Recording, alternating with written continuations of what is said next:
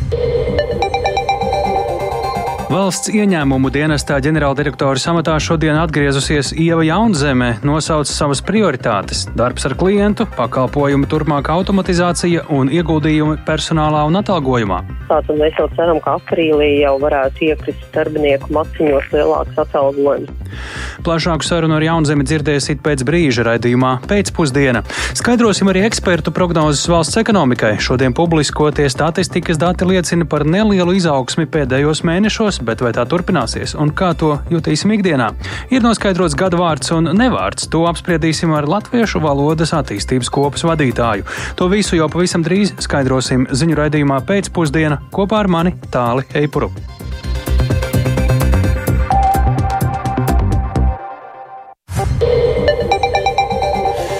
16,5 minūtes skan pēcpusdienas ziņu programma, skaidrojot šodienas svarīgākos notikumus studijā Tāles Eipurs. Iedzīvotāju sašutumu sociālajos tīklos ir izraisījis video, kurā redzams, kā pie tirsniecības centra Jelgavā piekauj un jau gulošu spārda bezpajumtnieku. Policija sāk uz kriminālu procesu un vainīgie aizturēti. Vietējie saka, ka pie veikala bezpajumtnieki pulcējas regulāri un jau iepriekš nonākuši policijas redzes lokā. Tomēr neizpratni raisa garām gājēju vienaldzība. Notikošo Jālgavā skaidroja Linda Spundiņa. Я не буду. Es nevaru. Я тебя сейчас заберу, что ты быкуешь. А? Ничего не получится, Un viņi visu bjūt. Viņu tūlīt nositīs. Man atsūtīja linku, kas viņa nevarēja atvērt, lai redzētu to, to joku. Bet tu redzēji to video? Es neesmu neko redzējis, bet tajā pašā laikā, kad, jā, kad neiesaistās sabiedrība, tas gan ir kaut kas bijis tā kā. Nu, Mīļākais benčīts viņam tur bija, bet tagad tas nu pat benčīts nav. Jā. Bet viņi savā starpā bieži kaujās? Nē, es, ne, es neesmu manījuši. Katru reizi, kad mēs šeit esam, šeit kāds ir. Viņai pat ne vairāk. Nu, dažreiz jautā, naudu sēž īstenībā neuzbāžās, bet policiju mēs šeit nekad neesam manījuši. Bet vai uh, viņi ir agresīvi bijuši vai alkohola reibumā? Agresīvi vismaz pret mums nē. Varbūt viens pret otru, bet pret citiem apkārtējiem nē. Alkohola reibumā gan. Vai varbūt veikala apsardz kaut ko dara? Kamēr viņi nav iekšā veiklā, tikmēr nē, un veiklā arī viņi nenāk. Jēlgavnieki bezpajumtniekus bieži mana pie pilsētas centrā esošā veikala. Meitenes pat atpazīst sociālajos tīklos izplatītajā video redzamo uzbrucēju. Tas ir mugursomā ir redzēts. Arī Jēlgavas pilsētas pašvaldības policistiem vīrieši ir bieži klienti, saka policijas pārstāve Līva Elizabete Lāce. Jāgaujas pašvaldības policijas operatīvās vadības nodaļā tika saņemta informācija no Vivo centra apsarga par pieejas notiekošo bezpajumtnieku konfliktu. Un uh, patruļpolicija nekavējoties arī devās uz notikumu vietu, kur tika konstatēta cietusī persona, kurai uh, medicīnisko palīdzību tobrīd uh, jau sniedza neatliekamās medicīniskās palīdzības dienests. Tika nogādāta Jālgavas pilsētas slimnīcā, kur personai tika konstatēti miesas bojājumi, konkrēti smadzeņu satricinājums. Cietušais valsts policijai paskaidrojas, ka viņam nav pretenziju, esot tikai nokritis. Kamēr bezpajumtniekam sniedz neatliekamo palīdzību, pašvaldības policija aizturēja trīs vainīgos. Aizturētās personas ir pašvaldības policijas pastāvīgi zināmi bezpajumtnieki, kuri pēc šī konflikta tika aizturēti, nogādāti arī medicīniskajā atskruptuvē ar nodošanu valsts policijai tālākai lietas izskatīšanai. Policija izsauca veikala apsargs, savukārt aculiecinieku video redzams, kā garām gājēji noskatās un neiesaistās. Nav saukuši policiju. Tā nu gan ir palikuši cilvēki, jā. Man bailes no tiem jauniešiem. Tad es mūku. Nu, kas to zina, zina, ka tagad ir visādi nodzērušies, norījušies ar savām cigaretēm, ar visiem dūmiem, smirdu un tā tālāk. Tā es laižos. Jūs varat izsaukt palīdzību. Jūs izsaukt policiju, ja jūs kaut ko tādu redzat. Noteikti. Jā.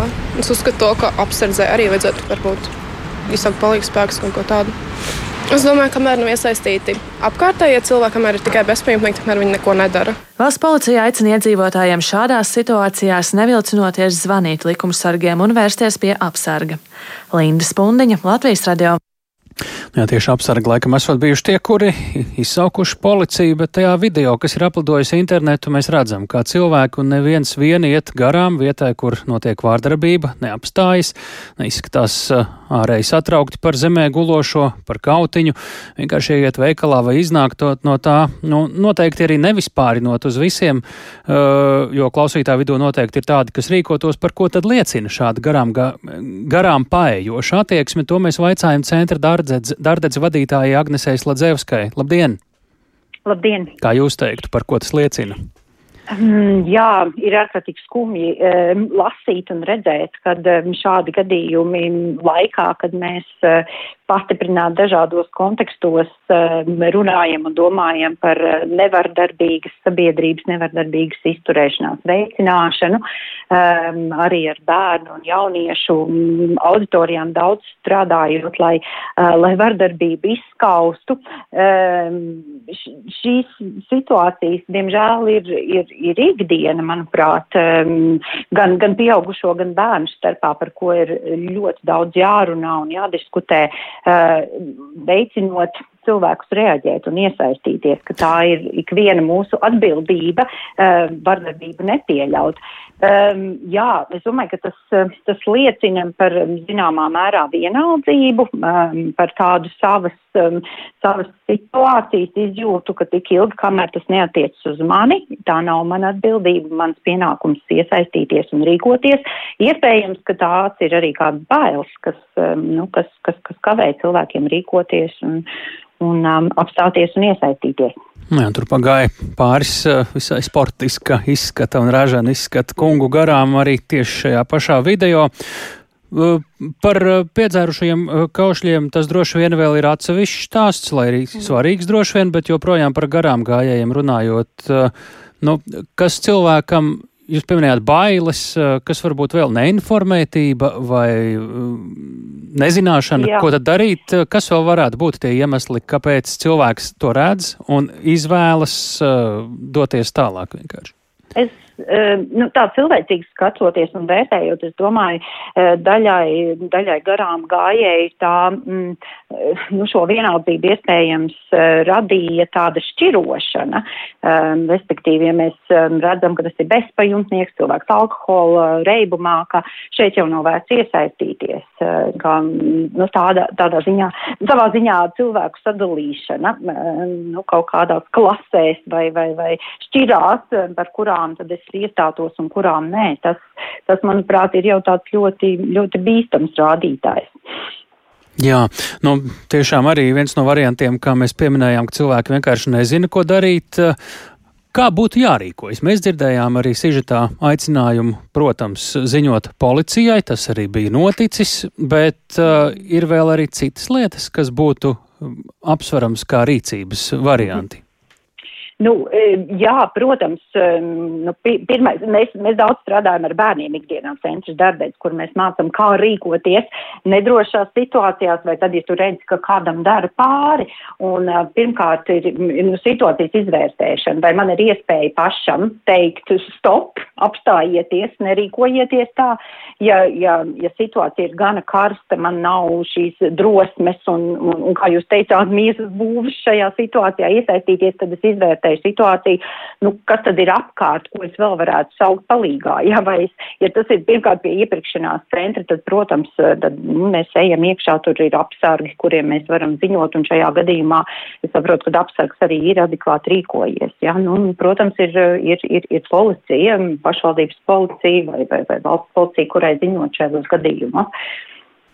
Lielas paldies par sarunu Agnesei Sladzējuskai centra dārdedze vadītājai. Redījumu pēcpusdienu turpinām. Darbā no šodienas atgriezusies valsts ieņēmumu dienesta ģenerāldirektore Ieva Jaunzeme. No finanšu ministra jaunās vienotības pārstāvja Arvila Ašerādina lēmuma Jaunzeme atjaunotā matā gan ir distancējies koalīcijā ietilpstošais apvienotais saraksts. Tā saimnes frakcijas vadītājs Edgars Tavars jau ir gatavs rosināt arī diskusiju ar premjeru, finanšu ministru un dienesta ģenerāldirektori par uzņēmējiem un iedzīvotājiem draudzīgāku dienesta darbu. Vairāk Jāņa Kīņša sagatavotajā ierakstā. Ar pacelātu darba noskaņojumu tā atgriešanos valsts ieņēmuma dienesta ģenerāldirektora amatā raksturo Ieva Jaunzeme. Iepriekšējais finanšu ministrs Jānis Rērs no jaunās vienotības Jaunzemi un vidu nodokļu un muitas policijas pārvaldes direktoru Kasparu Podiņu atstādināja uz pārbaudas laiku. Podiņš darba vidi ir atstājis.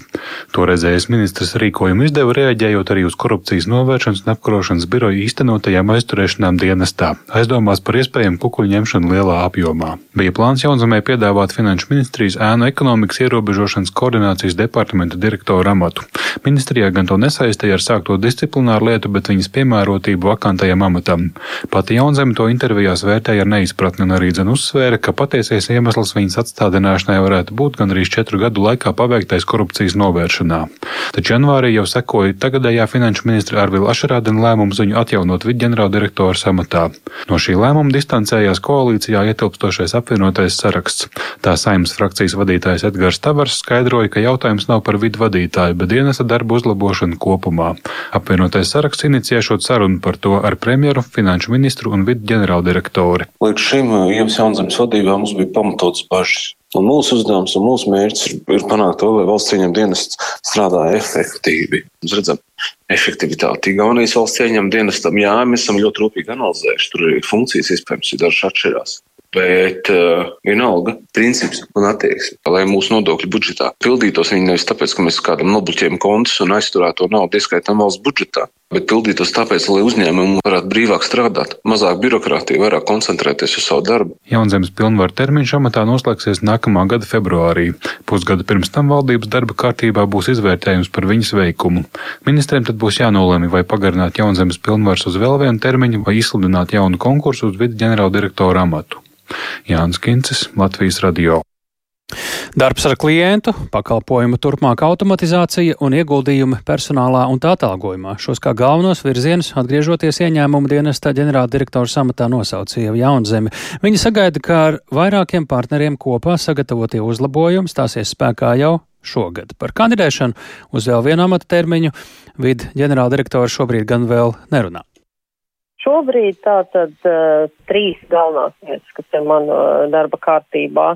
Pirmā lieta ir vidas stratēģija, kas ir izstrādāta un iesniegta jau Finanšu ministrijā, ko mēs esam izstrādājuši kopā ar PricewaterhouseCoopers un kurā ir ietverti šie galvenie virzieni, kas arī iepriekš ir zināmi, tas ir darbs ar klientu, automatizācijas uzlabošana, uh, un ieguldījumu personālā. Tas ir numur viens. Nākošais tātad taps vide darba plāns, kas būs skaidri pakārtots valdības rīcības plānam un ir jau tātad priekšlikumi no finanšu ministrijas jau ir iesniegts PKC, kur ir lielu artavu devusi arī vēl cieņām dienestu komanda. Trešais ir atalgojuma jautājums, jo mūsu pamats biznesa ir muita un nodokļu administrēšana, un tur tieši ir viszemākās algas tiem, kas strādā ar klientiem, kur ir vajadzīga vislielākā zinātība, ir jānodrošina arī adekvāts atalgojums. Protams, mēs gribētu, lai tas ir tas, kā privātā sektorā, bet tik daudz mums šeit naudas nebūs, lai vismaz konkurēt spējīgs ar citām valsts pārvaldes institūcijām un labākais, ko mēs varam izdarīt. Tur ietilpst arī IT spēju stiprināšana un arī analītisko spēju stiprināšana, lai mēs varētu turpināt lietot tos produktus, kas jau ir izstrādāti, ir zina savu klientu projekts. Šobrīd mēs arī redzam, ka ar datu zinātniekiem un analītiķiem arī ir problēmas sakarā ar neadekvātu atalgojumu. Būsiet gatavi to skaidrot arī politiķiem? Viennozīmīgi mēs esam gatavi atvērti. Stratēģija ir izstrādāta ne tikai kopā ar PricewaterhouseCoopers, bet viņā aktīvu dalību ņēma arī konsultīvā padome vidi, kurā ietilpas gan darba devēji, gan darba ņēmēji, gan arī citas nevalstiskās organizācijas. Tā kā tas nav tāds eh, darbs, ko mēs esam šeit savos gaitiņos izdomājuši, nē, tas ir kopīgs darbs ar, ar uzņēmējiem. Jums ir šobrīd doti tādi papildu uzdevumi, par ko būs regulāri arī jāziņo tagadējiem finanšu ministram saistībā arī ar šo noslēgto disciplināru lietu. Kas ir tas, ko ministrs jums prasa šobrīd vēl papildus? Principā tās lietas, ko es minēju, tās arī ir šajos uzdevumos, jo viennozīmīgi nevar eh, mainīt eh, reputāciju, ja cilvēkiem, ja mēs ieliekam sludinājumu ar tādu algu, kur visi uzdod, uzdod jautājumu, vai te pat tādu algu kāds arī strādā. Ja? Tas ir viens strateģiskais redzējums gan par reputācijas riskiem, gan par uh, automatizāciju, gan par uh, analītiskajiem rīkiem. Tas arī ir tas ceļš, kāds ir uh, ejams. Naudas visām vajadzībām, protams, nekad nepietiek, taču vai ir ceļa kārta, kad un kā šī daudzkārt pieminētā valsts pārvaldes atlīdzību reforma tiešām sasniegs arī valsts ieņēmumu dienestā strādājošos minētajās struktūrās? Mēs ļoti ceram un uh, esam pārliecināti par to, ka val, uh, budžeta pieņemšanas procesā, kā arī Ciskauska kungs teica, tas tiks ņemts vērā, protams, tajā apmērā, kā šobrīd valsts var atļauties tātad mēs jau ceram, ka aprīlī jau varētu iekrist darbinieku maciņos lielāks atalgojums. Mēs esam šos uh, mājas darbus jau veikuši, gan uh, pārkvalificējuši amatus, gan arī novērtējuši, un visas šīs lietas izdarījuši. Tagad ir tikai jautājums par papildus resursu iepludināšanu. Mājas darbi ir veikti, kad nauda būs kontā, tad varēsim arī to domāt. Šodien darbā atgriezušos valsts ieņēmuma dienesta ģenerāldirektora iztaujāja kolēģis Jānis Kīncis. Bet kā tad ir klājies Latvijas ekonomikai pagājušajā gadā? Latvijas iekšzemes koprodukts pagājušā gada laikā palielinājies par 1,8% salīdzinot ar 2021. gadu. Tā liecina Centrālās statistikas pārvaldes ātrais novērtējums. Atsevišķi pa ceturkšņiem, piemēram, pagājušā gada 4. ceturksnī Latvijas ekonomika augusi par 0,1%, arī 3. ceturksnī gada pieaugums bijis visai niecīgs par 0,3%. Pie mūsu klausos šobrīd bankas Luminora galvenais ekonomists Pēters Strautiņš. Labdien! Dien. Nu, ja paskatāmies uh, uz prognozēm, kādas bija 2022. gadam pirms Krievijas iebrukuma Ukrainā, tad arī uz prognozēm, kas bija tad, kad jau bija skaidrs, ka nekas vairs nebūs tā kā bijis, piemēram, pavasarī. Uh, tās jau bija būtiski mainījušās. Kas no tā visa ir sanācis? Šis 1,8% IKP pieaugums, uh, kā šajā kontekstā ir vērtējams? Jā, tiešām ehm, pirms kāda laika pagājušajā, nē, nu sanāk jau aizpagājušajā gadā, prognozes par 22. gadu bija ļoti optimistisks. Eh, tur bija pat 6-7% pat tādai konservatīvai iestādai kā Latvijas Banka savulaik. Un uh, tur bija tādi pamatojumi, jā, ka jā, pasaules ekonomika iziet no pandēmijas, eksports augs, patērētāji arī priecāsies vairāk, būs viņiem vairāk brīvības ies pa veikaliem, uh, Eiropas fondi ir pieejami investīcijām, tās arī augs. Uh, Nu jā, un tas, tas tā, protams, gluži nenotika. Gads vēl sākās ļoti labi. Pirmajā ceturksnī bija pieaugums gada griezumā vēl virs 5%, bet, nu, tad, um, jā, jau otrajā, trešajā ceturksnī atklājās jauna realitāte. Uh, tirdzniecības sakaru pārāvums un, kas bija pats svarīgākais, uh, šokējoši augsts enerģijas cenas, kas sasniedz augstāko punktu augustā septembrī, ja mēs runājam par vairumu tirgiem. Tas un, arī, uh, jā. Tagad, tagad jau situācija patiesībā virzās uz labo pusi. Eh, es teiktu, ka pēdējo apmēram 5 mēnešu laikā eh, vairs prognozes nav mainījušās, bijusi gandrīz pilnīga prognožu stabilitāte, kas ir neparasta parādība Latvijā pēdējos dažos gados. Nedaudz sliktāks iznāca eh, gal rezultāts pagājušam 22. gadam, savukārt šim 23. gadam jau um, vismaz mūsu lumināru prognozes jau sāk uzlaboties. Prognozes jau iet uz augšu gan vēl eh, nekur tālu nav tikuši. Pieaugums eh, būs šogad ap nulli, respektīvi nekas īpaši nemainīsies kopumā, bet tas jau ir labāk nekā vienu brīdi šķita. Jā, nu, tagad, eh, Mārtiņš Šāboliņš no Citadela bankas saka arī, ka šogad Latvijas ekonomikā nav pamats gaidīt izaugsmi.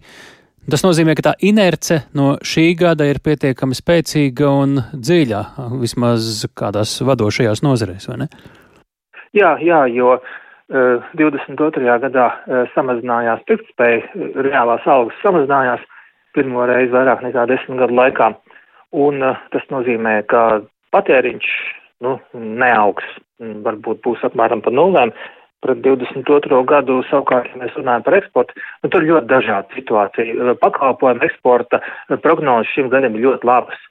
Pagājušais gads tiešām bija, nu, tā kopējos skaļos viduvējs, bet, bet pagājušais gads bija vienkārši izcils gads Latvijas pakalpojumu eksportam. Tāds, tāds vēl nav bijis tik labs. Uh, īpaši, mēs runājam par IT un biznesa pakalpojumiem un, un biznesa pakalpojumiem. Un, un uh, šogad arī pakalpojumu eksports turpinās diezgan strauji attīstīties. Tas, tas ir sagaidāms, tas ir nu, jau, jau puslīdz skaidrs, ka tā būs. Uh, bet savukārt preču eksportā būs lielākas grūtības.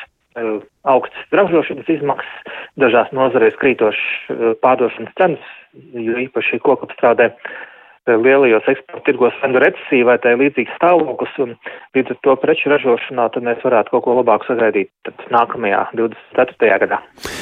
Paldies! Mēs sakām Pēterim Strautiņam, bankas Luminor galvenajam ekonomistam, bet eh, redzījumā pēcpusdienu pēc brīža gan par to, vai Ukrainas bēgļiem Latvijas skolās būs vai nebūs jākārto valsts pārbaudījumi, gan arī par to, ka negaidīta liela interese par brīvprātīgo darbu dziesmu un deju svētkos.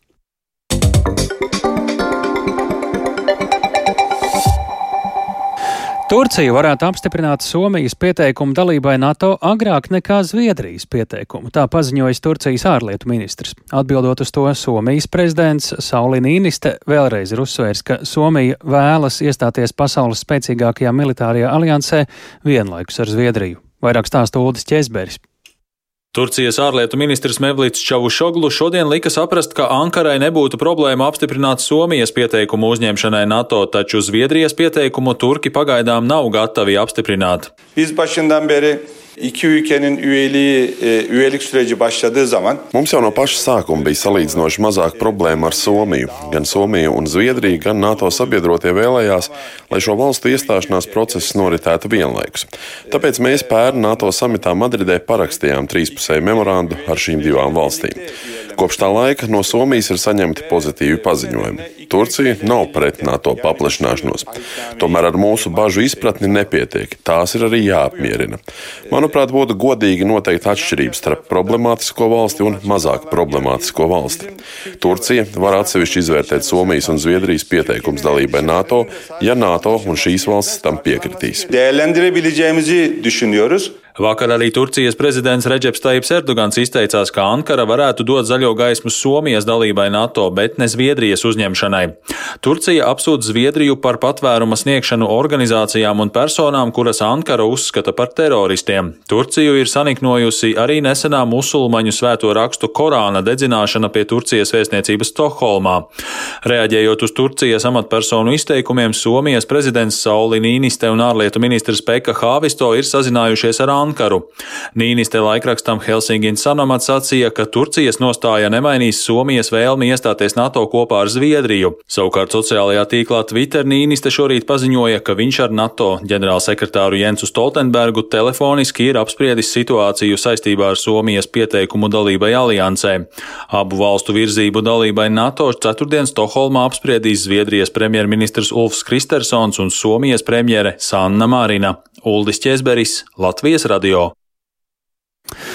Lūk, šāds svarīgs ģeopolitiskais leņķis karš Ukrainā rada ne tikai liels ģeopolitisks jautājums, bet jautājums arī tepat Latvijā. Vai Ukrainas bēgļiem Latvijas skolās būs jākārto valsts pārbaudījumi? Par to skolās joprojām nav skaidrības, un šobrīd, kā zināms, ir stājušies spēkā jauni ministru kabineta noteikumi, kuri paredz, ka no pārbaudījumiem atbrīvot ir skolēni veselības dēļ, sportisti, kas ilgstoši uzturas treniņu nometnēs un patvērumu meklētāji, bēgļa vai alternatīvo statusu ieguvuši ieguvušie.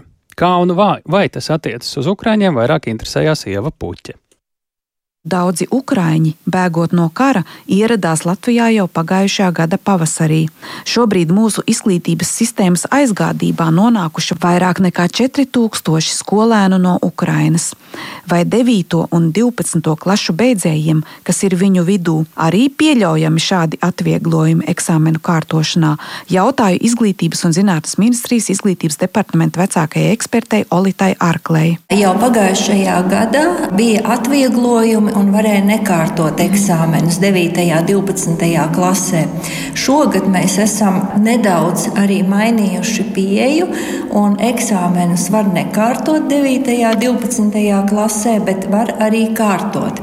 Gadījumā, ja skolēni izvēlas kārtot eksāmenu, tas nozīmē, ka ir iespējams lietot ukraiņu latviešu vārnīcu.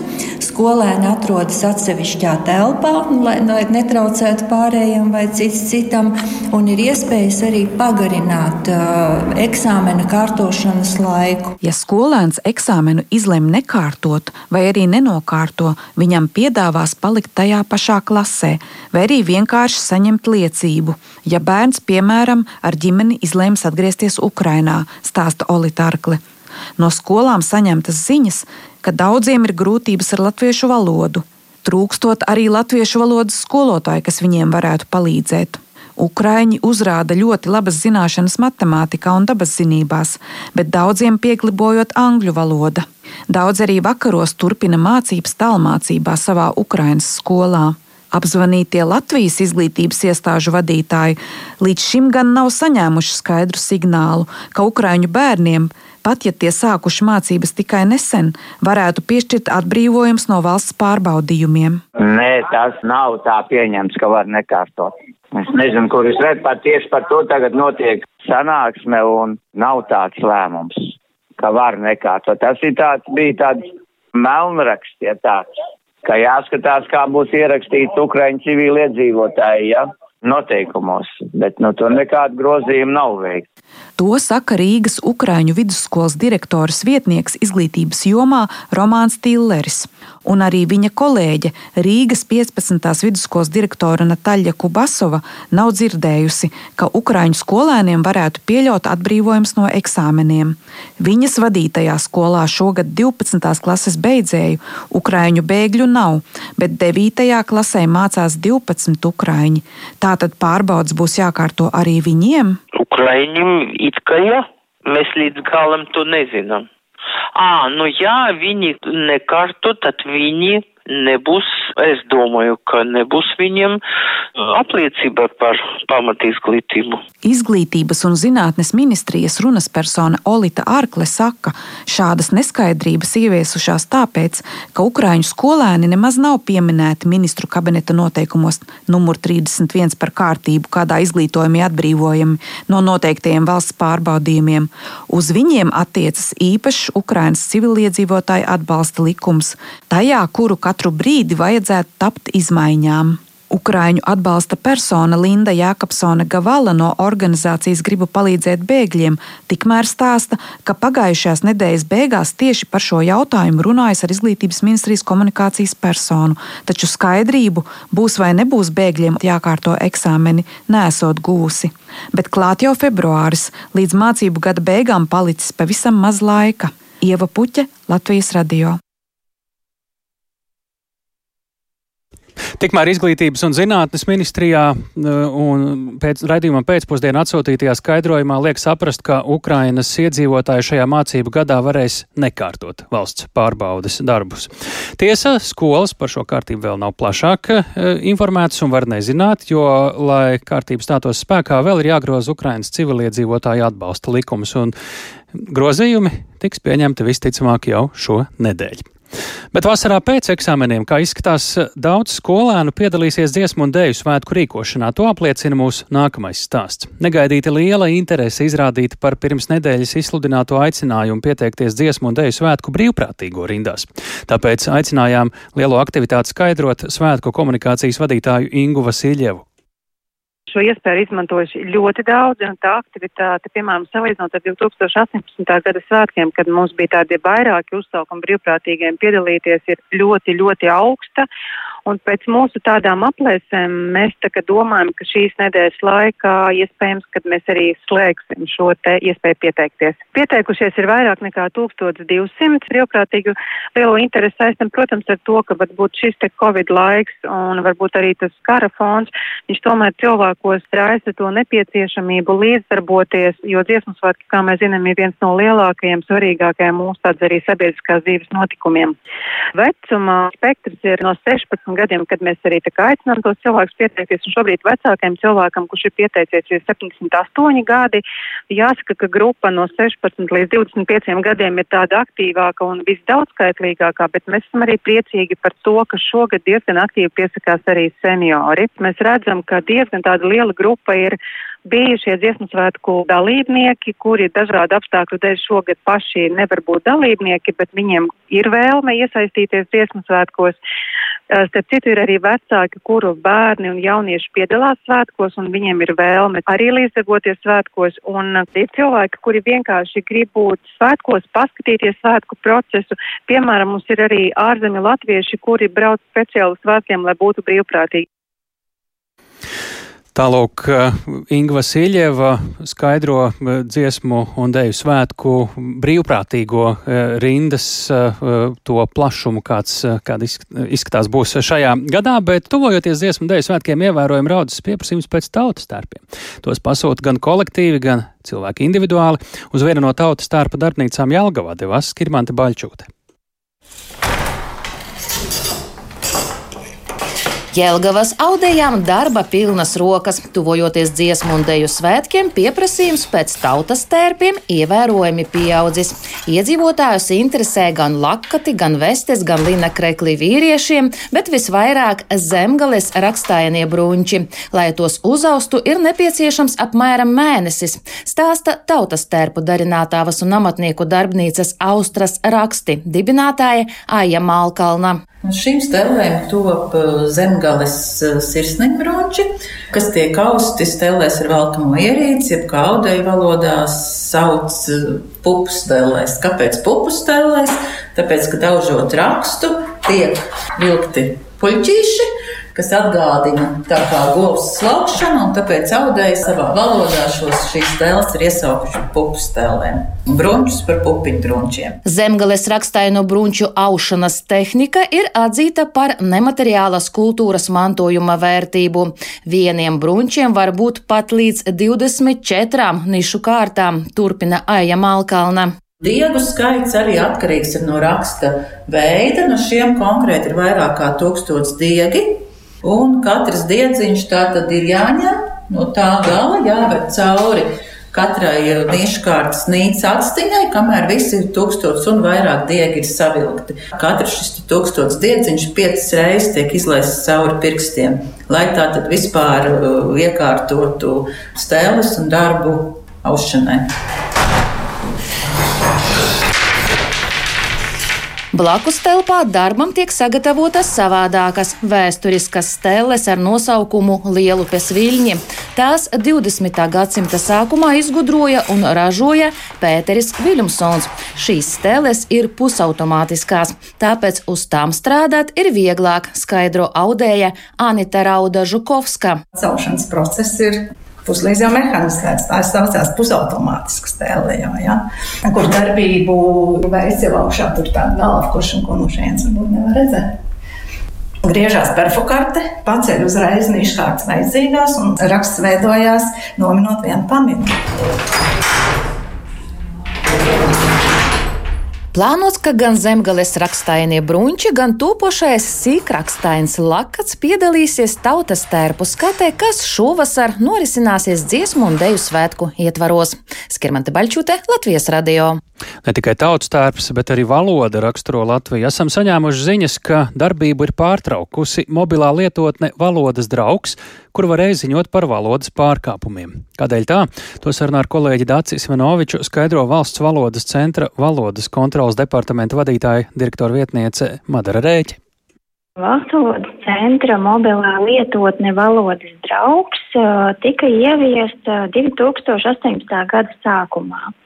Un tās mērķis bija uzlabot iestādes sasniedzamību, lai sabiedrībai būtu ērti iesniegt ziņojumus gan par iespējamiem pārkāpumiem valsts valodas lietošanas jomā vai iesniegt uzslavu, norādot, kuri komersanti savā saimnieciskajā darbībā visprecīzāk ievēro valsts valodas likuma prasības. Tagad tā darbība ir pārtraukusi, vairs nav pārkāpumu? Pārkāpumu ir, diemžēl, saistībā ar šo mobilo lietotni saskarāmies ar dažādām problēmām tās uzturēšanā. Būtībā tā bija jau novecojusi. Līdz ar to valsts centrs pieņēma lēmumu vairs neuzturēt šādu mobilo lietotni. Kur tagad varēs vērti, vērsties ar šādiem pārkāpumiem? Jā, jau šobrīd iedzīvotāji var izmantot valsts centra tīmekļa vietnē pieejamo veidni iesniegt iesniegumu un uh, ziņot par iespējamiem pārkāpumiem valsts lietošanas jomā.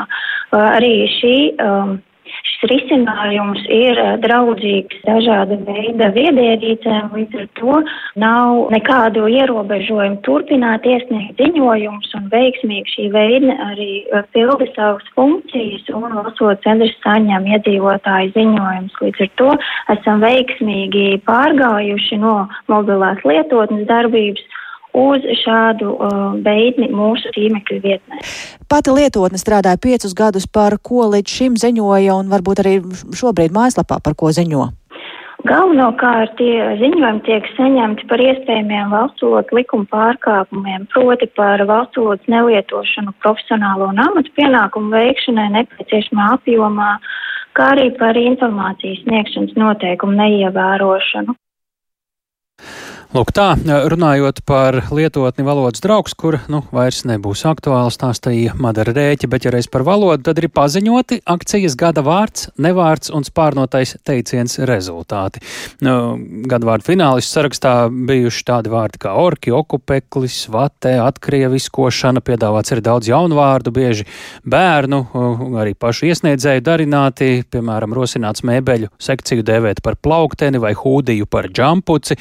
Nu, nevārdi piedāvāti labbūtība, mobilitāte. Savukārt spārnoto teicienu sarakstā ir gan teiciens par izdaudzināto Krievu kara kuģi, gan slava Ukraiņiem varoņiem. Slava arī politiķa Ulda Pīlēna nevar komentēt, jo nevar komentēt, un vēl citi, nu, un arī kategorija savārstījums, bet par visu plašāk gan to daļu mēs plašāk īsumā izrunāsim ar Latviešu valodas attīstības kopas vadītāju Juģi Nāsteviču. Labdien! Labdien! Sveicināti! Kas tad šogad ir atzīti? Nu, tā centrālā nominācija ir gada vārds un gada nevārds. Tā varam teikt, jā? Jā, šī gada vārds ir okupēklis, kā piemineklis um, okupācijas laika palieka. Gada nevārds ir neatbilstoši lietotais sankcionēt un sankcionētās personas, jo, kā zināms, sankcionēt nozīmē juridiski apstiprināt, piešķirot likuma spēku un dot piekrišanu vai atļauju. Līdz ar to pareizi būtu sankcijām pakļautās personas. Labi. Attiecībā uz e, šo savārstījuma godu, tad par uzvarētāju tika atzīts boksera Maira Brieža aicinājums laiks piecelties un iztaisnot savas saliektās galvas, mm -hmm. bet par spanoto teicienu tika atzīts uzvarētājs Hansona Twitterī publicētais, lai Krievijai būtu nākotne, to vajag izputināt. Izputināt. Mm -hmm. Jā. Labi. Kāda tad ir bijusi konkurence tam pašam gada vārdam? Kā jūs teiktu, kas bija žūrijai vērtējot, par ko bija šķēpa laušana, kas bija konkurenti? Jāteic, ka okupeklis bija ļoti daudz E, pārstāvēts, iesūtīts e, no daudziem ļaudīm, un līdz ar to tā atrašanās starp e, uzvarētājiem bija diezgan droša. Tas, kas bija līdzās finālā iekļuvis, ir šāds virknējums, tad atkrieviskot, atkrieviskot, atkrieviskošana, proti akcija, ko ir attīstījusi Lijāna Langa lai tā tad eh, sekmētu latviešu valodas lietojumu.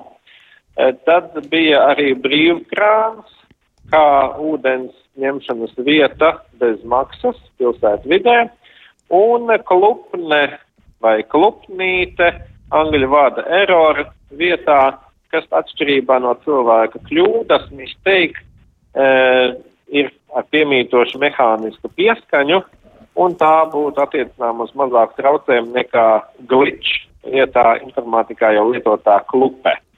Bet, nu, uzvarētājs tika apstiprināts okupēklis. Jā, un pie nevārda, kā mēs tikām kādā konkurencē? E, pie nevārda mm, tur bija vairāki e, tieši attiecībā uz labskanību un lietojumu. Piemēram, hospice Eh, paliatīvās aprūpes eh, vietā.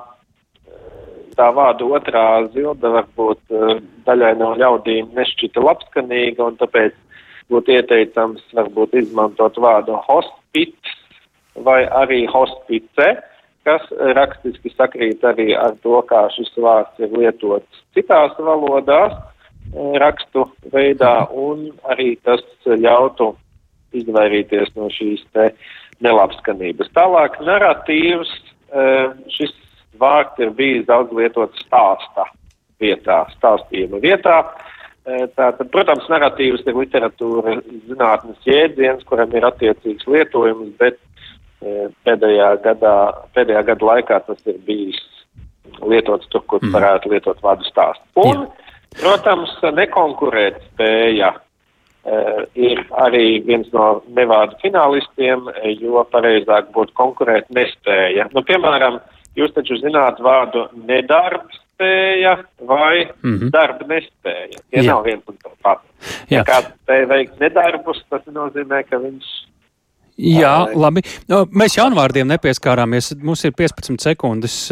Cik tālu tur tikām ar to, jo tādus arī iesūtīja. Burtiski ļoti, ļoti īsi. Dūknis drona vietā, džampucis hudija vietā, pašvadītājs autopilota vietā, spēka dusta powernap vietā un arī tādi kā iekrievots, lētiņš, orki, rasisms, ah. visai konvejas. Lieliski, pa diagonāli, bet precīzi. Paldies par sarunu, to mēs sakam Uģim Nastevičam, bet eh, šis ir viss raidījumā. Pēcpusdienu to veidoja Ilza Aginta, Tāls Eipurs, Uldis Grimbergs, Kārlis Rašmanis, un raidījumu pēcpusdienu pavisam noteikti varat dzirdēt arī atkārtojumā vai pēc brītiņa Latvijas radio mobilajā lietotnē.